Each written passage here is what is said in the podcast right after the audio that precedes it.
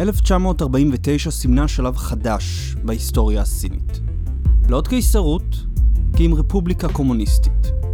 מה שלא השתנה הם מאבקים לכוח. כמו בחצר הקיסרית של המאות הקודמות, המפלגה הקומוניסטית רכשה מאבקי כוח בקרב צמרת המפלגה. בחלק הראשון של מורשת של כוח, נכיר את המאבק שהפך לטראומה למפלגה. המהפכה התרבותית של מאו, ואיך אדם אחד כמעט הצליח להשמיד את המפלגה כולה. בואו נתחיל.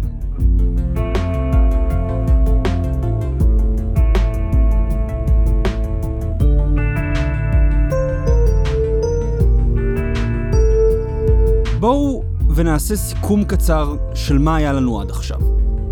התחלנו את הסדרה עם מבוא לפוליטיקה הסינית. הצגתי את מבנה הכוח בסין ואת האדם החזק בה ביותר היום.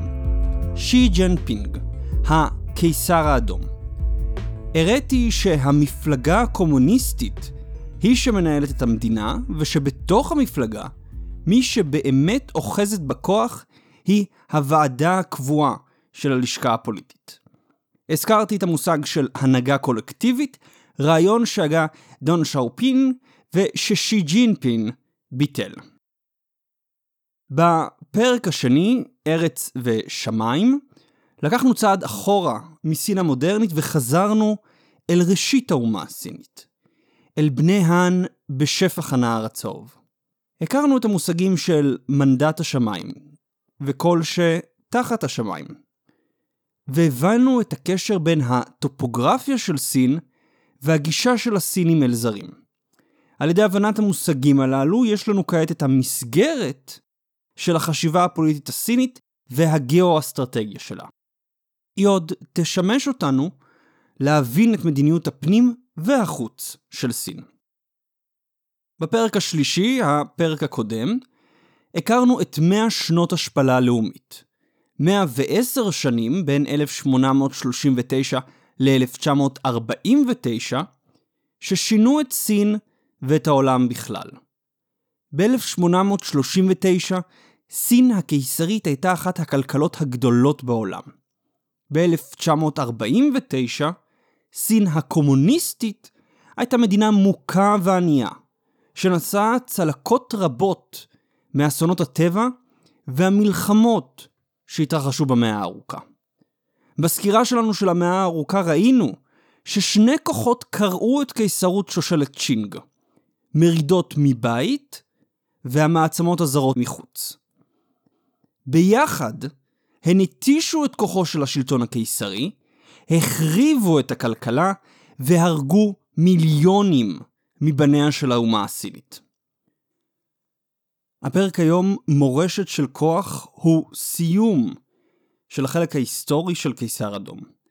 בגלל גודלו הוא חולק לשני חלקים. החלק הראשון, הפרק היום, יזכור את התקופה שמתחילה ב-1949 עם ההקמה של הרפובליקה העממית של סין, ומסתיים עם מותו של מאו צטון ב-1976. החלק השני יעסוק בתקופת הרפורמות מ-1976 ויסיים במסע הדרומי של דן בתחילת 1992. הפרק היום חשוב משני היבטים. ראשית, הוא יעסוק בתקופה שבה שי ג'ינפין נולד וגדל. ג'ינפין נולד ב-1953 בסין הקומוניסטית. אביו היה בכיר במפלגה, והוא עצמו התחנך על ברכי המפלגה הקומוניסטית. הוא עוצב על ידי האירועים שהסעירו את סין במאה ה-20. המהפכה התרבותית של מאו והרפורמות הכלכליות של דן. אי אפשר להבין אופי של אדם מבלי להבין את התקופה בה הוא גדל. שנית, וזה חשוב יותר, בפרק היום אנחנו נקבל מבט חדש על המפלגה הקומוניסטית הסינית. אנחנו נלמד שהמפלגה הקומוניסטית איננה גוף אחד, אינה קבוצה אחת בעלת תמימות דעים. אנחנו נראה את הקרבות האישיים, את חילוקי הדעות ואת מאבקי הכוח שהתנהלו בתוך המפלגה. אנחנו גם נראה שעל אף שאנו קוראים לתקופתו של מאו המהפכה הראשונה, ולתקופתו של דן המהפכה השנייה, בעצם אין כאן שתי מהפכות. יש רק גוף אחד ששינה עם הזמן את ההתנהגות שלו, בשביל לשמור על המונופול שלו על כוח. אנחנו נראה איך מאו כמעט החריב את המפלגה בשביל לשמור על כוחו, ואיך דן תמך ברפורמות כל עוד הן לא סיכנו את שלטון המפלגה. נכיר את המחנה הרפורמי במפלגה הקומוניסטית ואת המחנה השמרני, ועל ידי הכרה שלהם נבין יותר טוב את המהלכים ששי ז'נפין עשה אחרי שמונה למנהיג המפלגה הקומוניסטית בסוף 2012.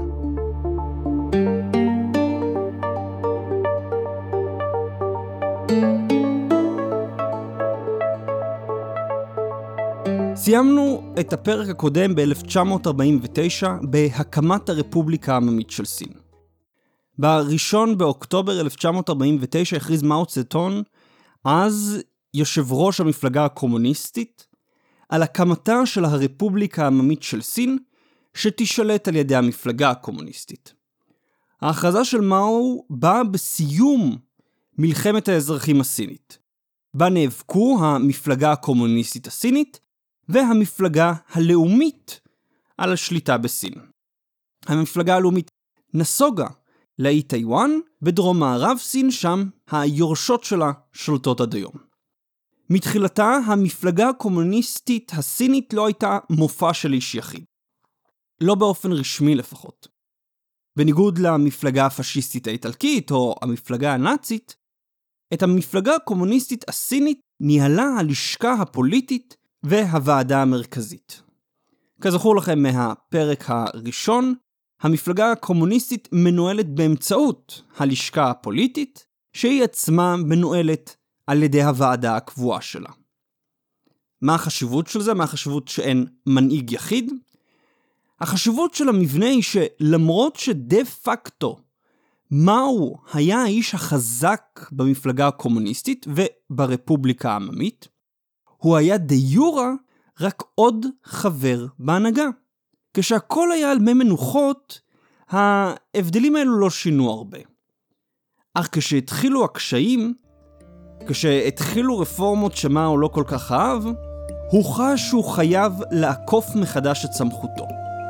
גם אם זה יסכן את המפלגה.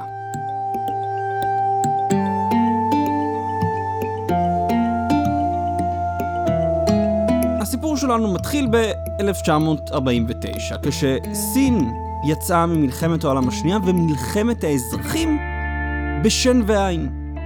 מכלכלה שהיוותה כ-30% מהכלכלה העולמית, היא נפלה והצטמקה ל-5%, עם הכנסה שנתית ממוצעת לאדם של 50 דולר.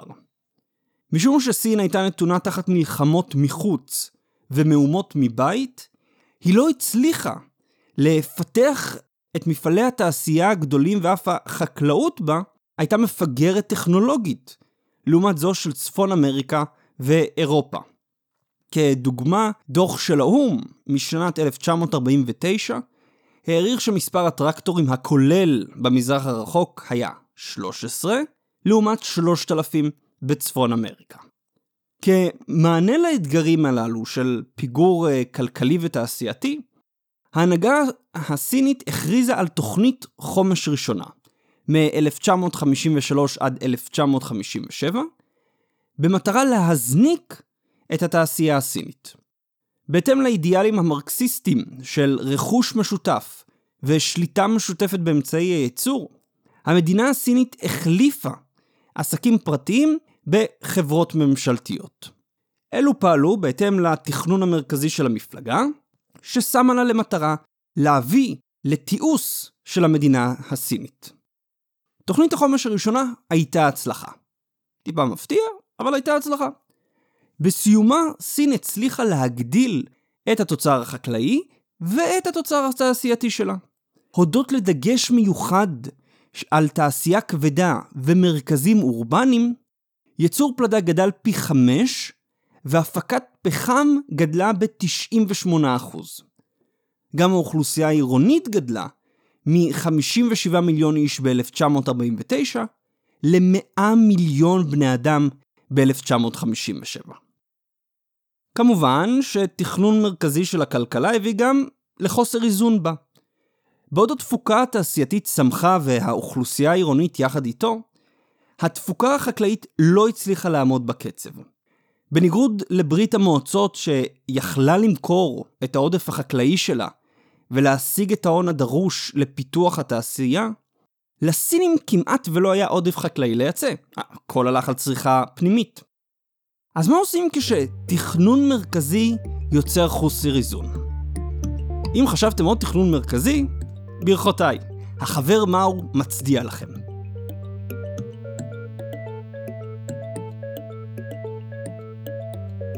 בתוכנית החומש השנייה שהוכרזה ב-1958, תוכנית שזכתה לשם הקפיצה הגדולה קדימה, מה הוא שם כיעד להגדיל את התפוקה החקלאית באזורים הכפריים. בשביל להשיג זאת הוחלט על ייעול של המשק החקלאי בסין. במקום שיהיו מיליוני חלקות פרטיות, כל אחת מנוהלת על ידי משפחה, הממשל הסיני יאחד מאות אלפי חקלאים בחוות שיתופיות. הממשל האמין שאיחוד של החלקות ייעל את הכלכלה. מפני שבמקום שכל משפחה תתעסק בתכנון ורכש ועבודה בשדה, המפלגה תוכל לעשות זאת והם יוכלו להתפנות לדבר החשוב באמת. נוסף על היעד של הגדלת התפוקה החקלאית, הוסף גם יעד של הגדלת התפוקה התעשייתית, ובמיוחד ייצור פלדה.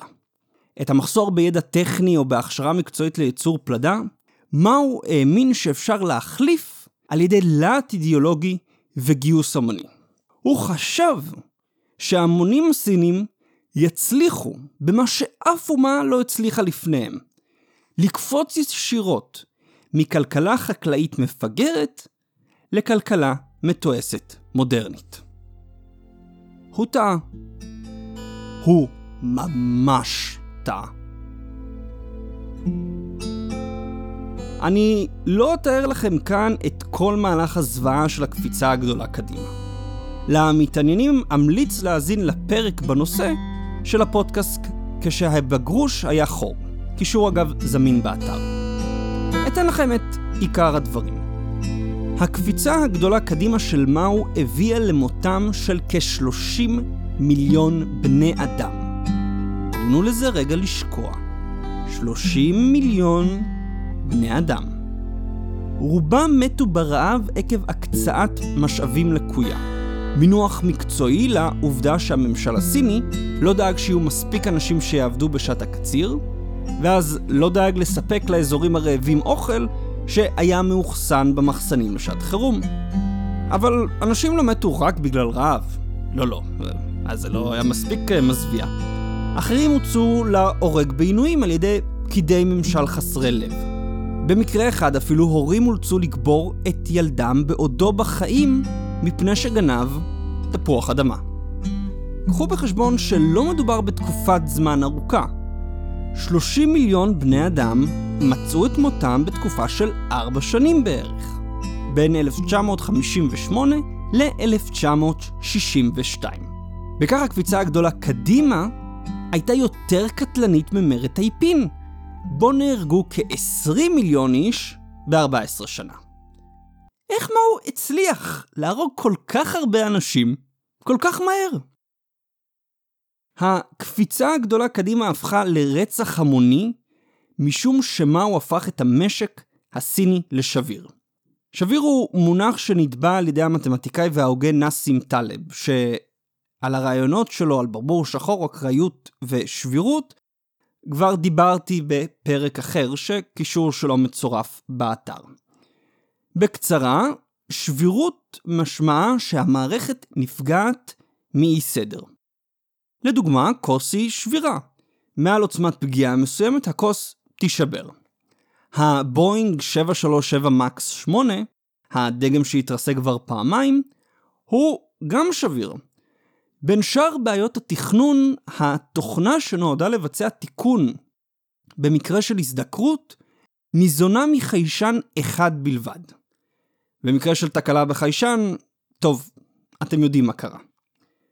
למערכת שבירה יש מספר מאפיינים, שכולם אפיינו את המשק הסיני בזמן הקפיצה הגדולה. ריכוזיות, ניתוק מגירוי חיצוני והיעדר יתירות. ראשית, ריכוזיות. ריכוזיות גורמת לכך שהיכולת של המערכת להגיב בהתאם ובמהירות למשבר היא מוגבלת. בגופים קטנים ריכוזיות איננה בעיה. כיתת חיילים חייבת להיות ריכוזית בשביל להגיב בצורה אפקטיבית בקרב. אולם בגופים גדולים, ודאי בכלכלה גדולה כמו של סין, ריכוזיות גורמת לכך שבין האירוע לבין מקבל ההחלטה מפריד יותר מדי מרחק. במרחב, בזמן ובהיררכיה. כשהרעב הכה את הפריפריה הכפרית של סין, הוא היה רחוק מדי בשביל שלפקידים בבייג'ין יהיה אכפת. או שיוכלו להגיב בזמן למשבר. תושבי הכפרים מתו מרעב מפני שההחלטה על הקצאת המזון הייתה בשליטת המפלגה בבייג'ין. לא הוועדה הכפרית איפה שהם היו. שנית, ניתוק מגירוי חיצוני. ניתוק מגירוי חיצוני משמעו שגם אם גוף קבלת ההחלטות יכול להגיב בזמן למשבר, עד שהוא יהיה מודע לכך שיש משבר, יהיה מאוחר מדי. הכלכלה הריכוזית של סין בתקופת מאו הייתה מנותקת מכוחות השוק, מהמציאות. במציאות התוצרת החקלאית צנחה משום היעדר כוח אדם, ומכת הרבה. אולם מנהיגי הקולקטיבים, החוות השיתופיות, ניפחו את המספרים בניסיון להרשים את הממונים עליהם.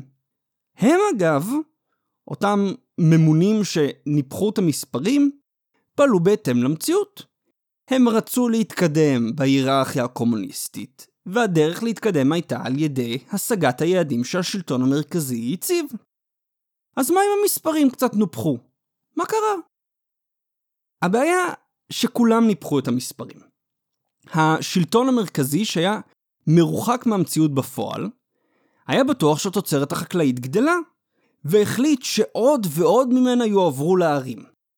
גם כשעלה חשד שהמספרים מנופחים, מה הוא לא היה מוכן להודות במציאות, ולעצור את הקפיצה? ולמה שישלים עם המציאות? לא הוא מת ברעב, מתו הכפריים, שלקחו מהם כל גרגר חיטה ואורז, על סמך מספרים לא נכונים. גוף קבלת ההחלטות היה מנותק מכוחות השוק ומהמציאות בשטח. ושלישית, היעדר יתירות. הוא לקח מיליוני איכרים ואיחד אותם בחוות שיתופיות? לפני הקפיצה הגדולה, אם עיקר אחד או אפילו עשרה אחוזים מהם, היו טועים בשיקולים שלהם ונכשלים בלגדל יבול מספיק, הכפר היה שורד. כן, אם 100 חקלאים מגדלים ב-100 שדות שונים, ו-10% טועים, יש לי עדיין 90 שדות שמפיקים יבול. אחרי הקפיצה הגדולה, כשעשרות כפרים אוחדו לחווה חקלאית אחת, כישלון החווה החקלאית הביא למוות של אלפים. כי אם כל השדות מנוהלים באותה צורה וקורה טעות, הלכו כל השדות. ואיך לא יהיו טעויות? הרי קבלת ההחלטות התקבלה הרחק מהחווה, בבייג'ין, ומי שהיה ממונה על החווה לא קיבל תשלום בשביל להיות מחובר למציאות, אלא לעמוד במטרות המפלגה. הוא יכול לעמוד במטרות המפלגה אם הוא ידאג ליבול, והוא יכול לעמוד במטרות המפלגה אם הוא ישקר בתוצאות. מהי הדרך היותר קלה? מהו כמובן לא היה היחיד שהיה אחראי לכישלון של הקפיצה הגדולה, אך התוכנית נשאה את שמו. הוא האמין שלהט אידיאולוגי יכול להחליף ידע מקצועי, ונתן יעדים מופרכים ורק המשיך להגדיל אותם. המוות של כעשירית מאוכלוסיית סין הייתה באחריותו. מה הוא עשה בתגובה? אם אתם חושבים על התפטרות, החבר מאו מאוד לא מרוצה מכם.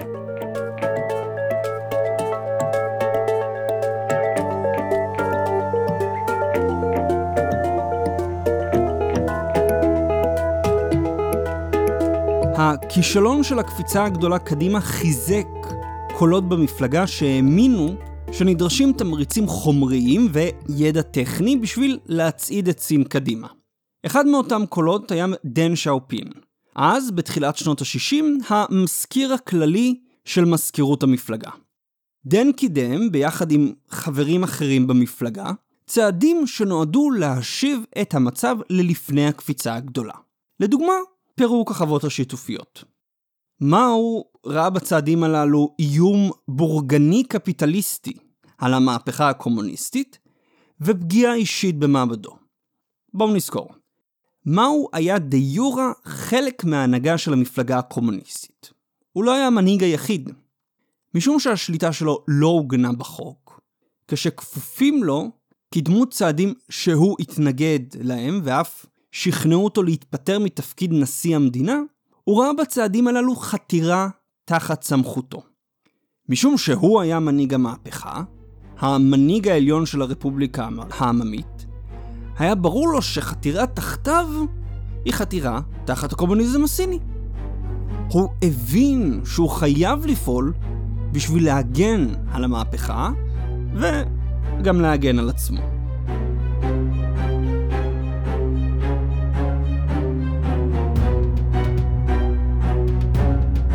באוגוסט 1966 מאו סגר את בתי הספר במדינה וקרא לנוער המהפכני להיאבק נגד האלמנטים הבורגניים שהסתננו למפלגה. הוא עודד אותם להרוס את ארבעת הישנים. רעיונות ישנים, מנהגים ישנים, הרגלים ישנים ותרבות ישנה. הוא רצה להשתמש בנוער המהפכני בשביל לחסל את יריביו מבית ולהבטיח את התואר האידיאולוגי של המפלגה הקומוניסטית.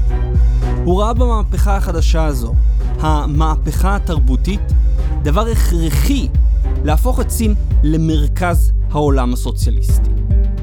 האירוניה שהמהפכה התרבותית מראה שמאו כן למד משהו מהכישלון שלו בקפיצה הגדולה. הוא הרי היה יכול לטפל בבעיית המרות שלו על ידי תכנון מרכזי.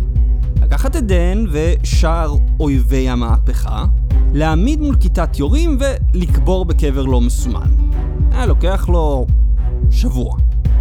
במקום, הוא השתמש בכת האישיות שלו להתחיל פעילות ספונטנית מהשטח. כלומר, a bottom-up approach. בניגוד לקפיצה הגדולה שהייתה top-down. רק מה? הוא שוב טעה בתכנון. הנוער המהפכני יצא לעשות את שמנהיג האומה ביקש מהם. הם ארגנו בכנופיות שזכו לשם המשמר האדום, משום שהסתובבו במדי צבא עם סרט אדום על זרוע. הם תקפו ללא הבחנה כל מי שנראה להם בורגני, גם אם רק בלבוש או בתספורת. תלמידים הכו מורים וזקנים, ונערים פשטו על בתי בכירים במפלגה ושדדו אותם. מקדשים ואתרי מורשת היסטוריים נהרסו. השומרים האדומים הסתובבו בערי סין ונאבקו נגד כל מה שראו כמיושן ומאנטי מהפכני. בתחילתה של המהפכה התרבותית בין 1966 ל-1968, נראה היה שהיא מתנהלת בהתאם לרצונו של מאו. המתנגדים של מאו, כמו דן ואביו של שי ז'נפין, נעצרו על ידי המשמר האדום, נשפטו והוגלו לפריפריה של סין. ההנהגה הקומוניסטית המקומית בערים ובעיירות חוסלה והוחלפה בנאמנים למאו. השומרים האדומים הפכו לגוף חוץ מפלגתי אפקטיבי בהפעלת כוח ובתיאור שורות המפלגה. רק מה? אחרי שהם סיימו לפעול נגד כל האויבים של מאו, הם התחילו לפעול גם אחד נגד השני. לא יפתיע אתכם לגלות שב-1968, אחרי שהשומרים האדומים סיימו להתעלל ולהכות מורים וזקנים, הם פנו לפגוע בסניפי המפלגה הקומוניסטית ולהילחם אחד בשני. כל קבוצה של שומרים ראתה בעצמה את המבטאת האמיתית של תורת מאו.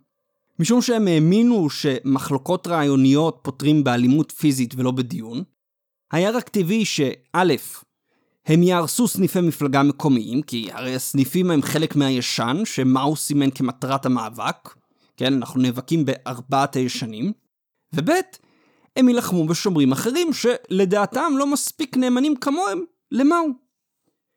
אזורי הכפר ובמיוחד הערים הידרדרו לאנרכיה. שומרים אדומים נלחמו זה בזה בקרבות רחוב ששיבשו את הפעילות הכלכלית ואת שגרת היום-יום של האזרחים. מאו הבין שהשומרים האדומים, הכוח המהפכני שלו, יצא משליטה. הפעם מאו קיבל את ההחלטה הנכונה. סוג של. הוא שלח את הצבא האדום להשתלט על השומרים האדומים, דבר שנעשה לעיתים תוך שפיכות דמים. במקביל, הוא פתח בתוכנית לשליחת כ-17 מיליון צעירים לאזורי הכפר של סין. מטרת התוכנית לפי מאו הייתה להביא למיתון של הצעירים ולהעמיק את ההזדהות שלהם עם הפועלים והאיכרים הסינים.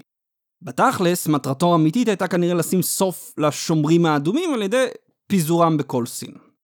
גם אחרי ההשתלטות על השומרים האדומים והשבת הסדר באמצעות הצבא, המהפכה התרבותית לא נעלמה. שתי קבוצות חדשות קמו במפלגה הקומוניסטית.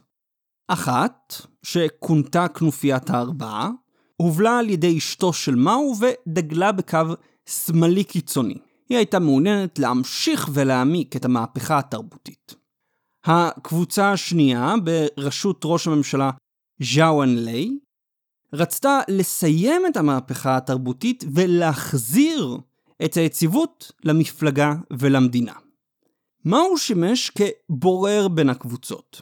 לעתים נוטה לעבר אחת או לעבר אחרת. מה הוא תמך אידיאולוגית בכנופיית הארבעה? ההכרעה בחוויה קוון מן המחנה המתון את היורש ואת ממשיך הדרך שלו. המהפכה התרבותית של מאו באה לסיומה רק עם מותו של מאו ב-1976. הואה, מודאג מכנופיית הארבעה, החזיר למוקד הכוח את דנג שיאופינג. הואה יגלה שהיכולות הפוליטיות של דנג טובות, אולי טובות מדי. לא רק שדנג יסלק את כנופיית הארבעה מכס השלטון, הוא יסלק גם את הואה. עידן חדש עמד להתחיל בסין העממית. כוח, כוח ועוד כוח. ב-1966, אחרי שהביא למותם של מיליונים, מה הוא לא ראה בזה כישלון אישי, אלא מהמורה בדרך. כשחברי מפלגה אחרים ניסו לקדם את סין בדרך פרגמטית יותר, הוא הקים בכוח אישיותו את הסטודנטים הסינים על המפלגה. בתאווה שלו לכוח, מאו כמעט וחיסל את המערכת שהקים. מותו ב-1976 לא סימן את הסוף של מאבקי הכוח בקרב האליטה של המפלגה. הוא רק סימן את סיום התקופה בה אדם אחד היה מספיק חזק לבדו לאיים על המפלגה כולה. בחלק ב' נראה איך השמרנים והרפורמים של התקופה של אחרי מאו נאבקו על נשמתה של סין, ומה הייתה ההחלטה הגורלית של דנג שיאופינג. כל זאת ועוד בפרק הבא.